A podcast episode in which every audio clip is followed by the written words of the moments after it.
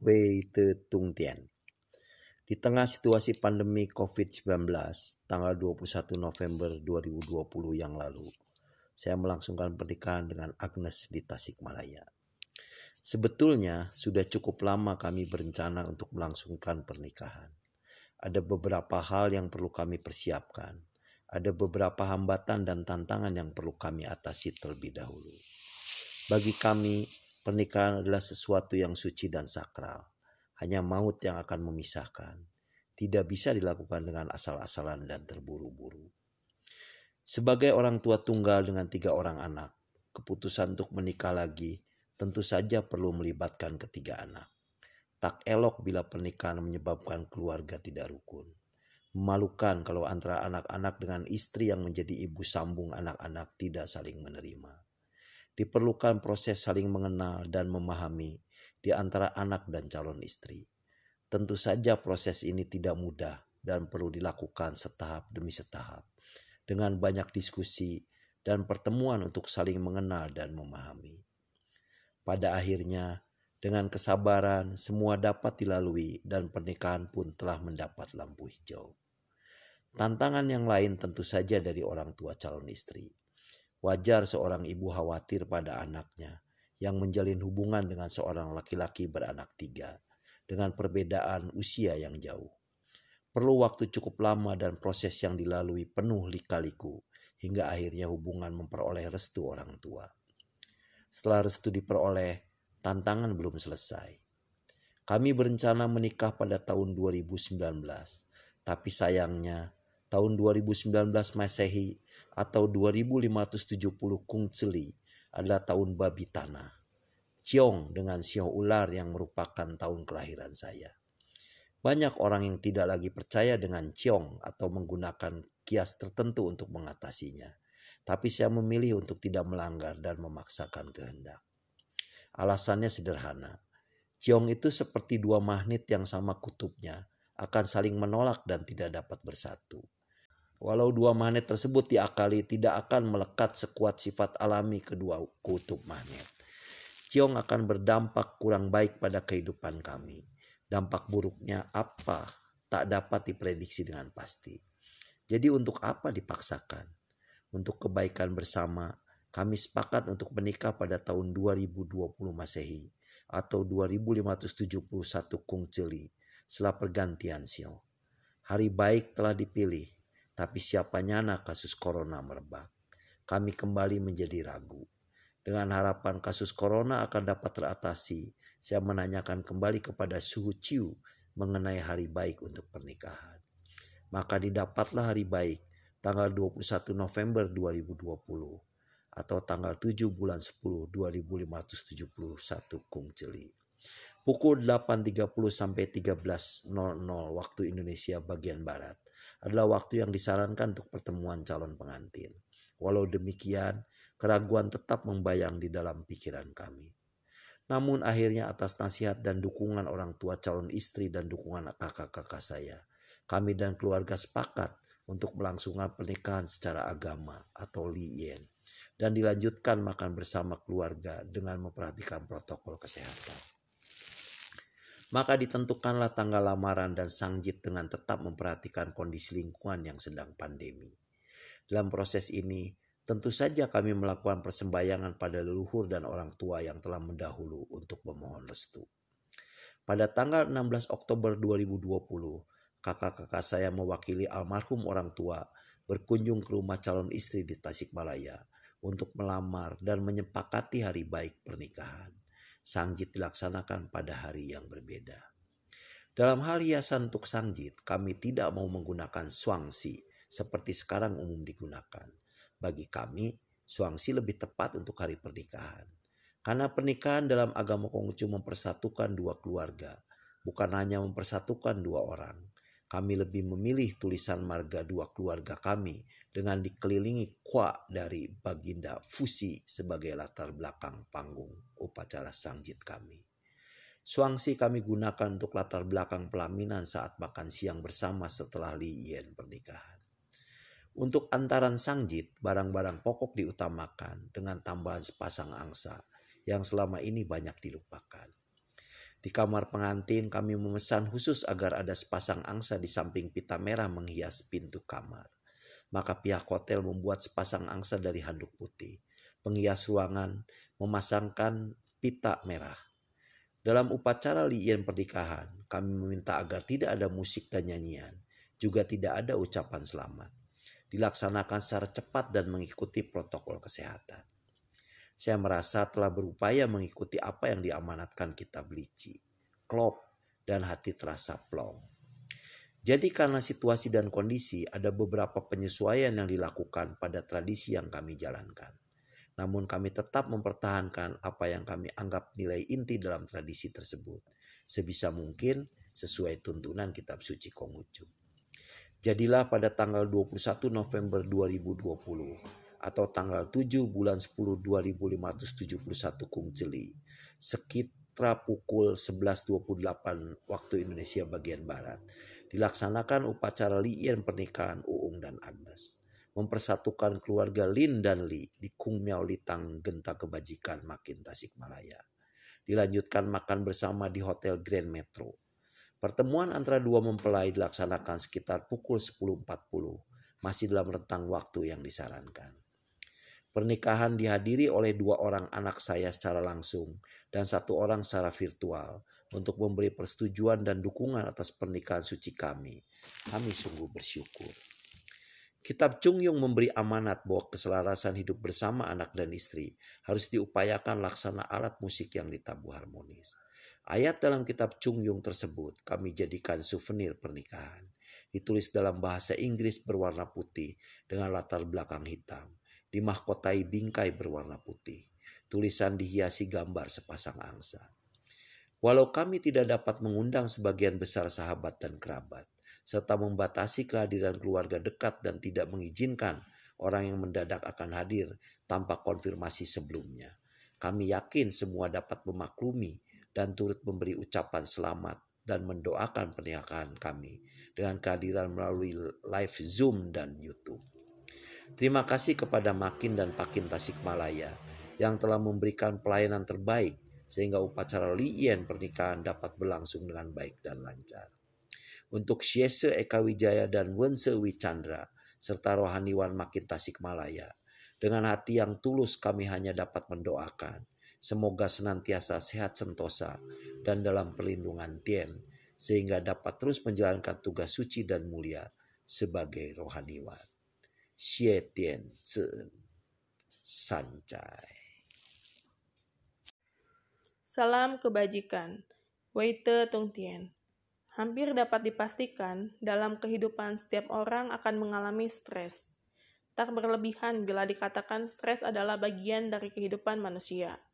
Dalam kehidupan dulu dan kehidupan sekarang, tentu saja terjadi perbedaan penyebab dan tingkat stres, karena kehidupan mengikuti hukum perubahan tiada henti kehidupan telah berkembang sedemikian rupa menjadi lebih kompleks. Kebutuhan dan keinginan manusia terus berubah dan berkembang. Mungkin saja kebutuhan manusia tetap sama, yaitu kebutuhan pada pangan, sandang, dan papan. Namun, macam dan jenis pangan, sandang, dan papan bisa berbeda-beda karena telah dipengaruhi keinginan. Orang tak lagi cukup makan daging bakar, berpakaian kulit hewan, dan tinggal di gua atau di atas pohon. Banyak jenis dan variasi makanan yang diinginkan walau sebetulnya kebutuhan perut kita adalah makanan supaya tidak lapar. Begitu pula pakaian yang awalnya dibutuhkan untuk melindungi tubuh dari dingin atau panasnya udara telah menyajikan bermacam-macam jenis dan variasi. Tak lagi sekedar melindungi tubuh dari cuaca. Unsur estetika dan kesusilaan telah masuk di dalamnya dan memacu timbulnya keinginan yang semakin bervariasi. Tak jauh bedanya dengan papan atau tempat tinggal yang juga berubah dan berkembang lebih bervariasi. Dengan semakin berkembangnya peradaban, kebutuhan pun berkembang. Misalnya, timbul alat alat transportasi, pekerjaan, pengakuan, dan lain-lain. Bukan lagi hanya menyangkut hal-hal material, tapi juga imaterial. Bukan lagi sekedar yang kasat mata, tapi juga tidak kasat mata, dengan jenis dan variasi yang semakin banyak. Persoalan yang timbul adalah acap kali antara harapan dan kenyataan tidaklah sama dan terjadi kesenjangan. Saat kenyataan melebihi atau sama dengan harapan, orang merasa puas dan tidak merasa stres. Saat kenyataan tidak sesuai harapan, timbullah stres. Stres tidaklah buruk, bahkan baik dan saat kita dapat mengelola dengan baik. Dengan stres yang terkelola dengan baik, kita akan bergerak maju. Saat stres tak terkelola dengan baik, timbullah problem fisik dan psikis. Depresi akan timbul saat stres tak lagi terkendali. Dalam kondisi depresi, kita tak lagi mampu mengontrol diri. Di zaman modern seperti sekarang ini, tak heran bila semakin banyak orang yang tak mampu mengelola stres dan akhirnya depresi. Mereka terbawa hanyut arus kehidupan yang semakin instan. Kehidupan dipacu begitu cepat dengan berlaksa romantika persoalan. Semakin banyaknya pilihan yang ditawarkan dalam menjalani hidup membawa persoalan serius bagi kita, manusia. Pilihan kita adalah apakah kita terbawa arus kehidupan seperti ikan mati yang terbawa arus sungai, ataukah kita menjalani kehidupan menentang arus atau menelusuri arus seperti ikan hidup yang berjuang untuk hidup di sungai-sungai? Kita siogianya memelihara hati kita agar tetap tengah tepat, tak terbawa arus dan mampu mengelola stres. Mengce memberikan tips pada kita untuk memelihara hati yang dapat kita baca dalam Mengce 7b ayat 35. Untuk memelihara, memelihara hati, tiada yang lebih baik daripada mengurangi keinginan. Kalau orang dapat mengurangi keinginan, meskipun ada kalanya tidak dapat menahannya, niscaya tidak seberapa.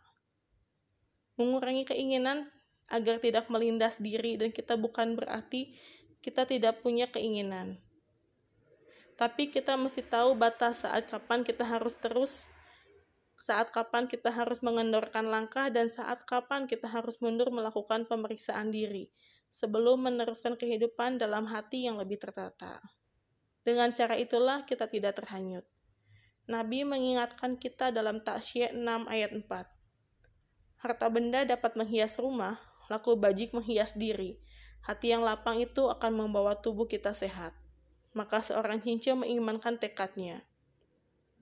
Kita perlu terus belajar, membaharui diri dan membina diri agar kita tetap sadar.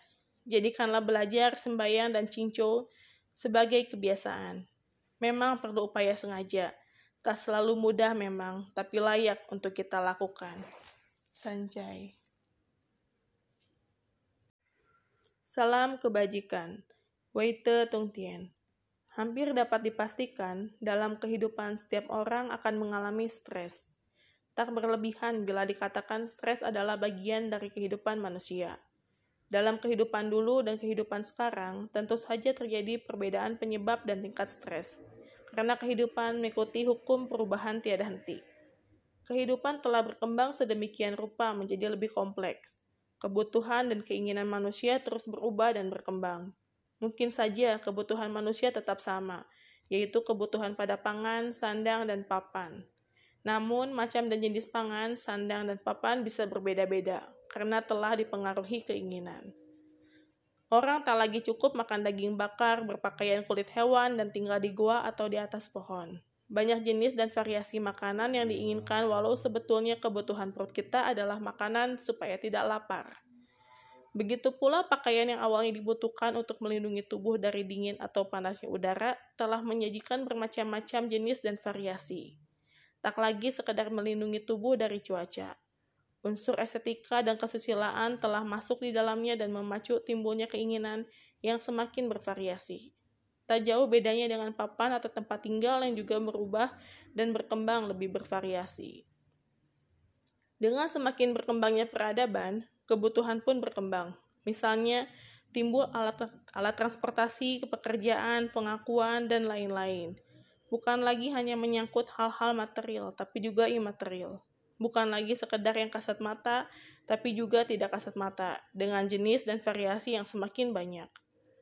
Persoalan yang timbul adalah acap kali antara harapan dan kenyataan tidaklah sama, dan terjadi kesenjangan. Saat kenyataan melebihi atau sama dengan harapan, orang merasa puas dan tidak merasa stres. Saat kenyataan tidak sesuai harapan, timbullah stres. Stres tidaklah buruk, bahkan baik dan saat kita dapat mengelola dengan baik. Dengan stres yang terkelola dengan baik, kita akan bergerak maju. Saat stres tak terkelola dengan baik, timbullah problem fisik dan psikis. Depresi akan timbul saat stres tak lagi terkendali. Dalam kondisi depresi, kita tak lagi mampu mengontrol diri. Di zaman modern seperti sekarang ini, tak heran bila semakin banyak orang yang tak mampu mengelola stres dan akhirnya depresi. Mereka terbawa hanyut arus kehidupan yang semakin instan. Kehidupan dipacu begitu cepat dengan berlaksa romantika persoalan. Semakin banyaknya pilihan yang ditawarkan dalam menjalani hidup membawa persoalan serius bagi kita, manusia. Pilihan kita adalah apakah kita terbawa arus kehidupan seperti ikan mati yang terbawa arus sungai, ataukah kita menjalani kehidupan menentang arus atau menelusuri arus seperti ikan hidup yang berjuang untuk hidup di sungai-sungai? Kita siogianya memelihara hati kita agar tetap tengah tepat, tak terbawa arus dan mampu mengelola stres. Mengce memberikan tips pada kita untuk memelihara hati yang dapat kita baca dalam Mengce 7b ayat 35. Untuk memelihara, memelihara hati, tiada yang lebih baik daripada mengurangi keinginan. Kalau orang dapat mengurangi keinginan, meskipun ada kalanya tidak dapat menahannya, niscaya tidak seberapa. Mengurangi keinginan agar tidak melindas diri dan kita bukan berarti kita tidak punya keinginan. Tapi kita mesti tahu batas saat kapan kita harus terus saat kapan kita harus mengendorkan langkah dan saat kapan kita harus mundur melakukan pemeriksaan diri sebelum meneruskan kehidupan dalam hati yang lebih tertata. Dengan cara itulah kita tidak terhanyut. Nabi mengingatkan kita dalam Taksya 6 ayat 4. Harta benda dapat menghias rumah, laku bajik menghias diri. Hati yang lapang itu akan membawa tubuh kita sehat.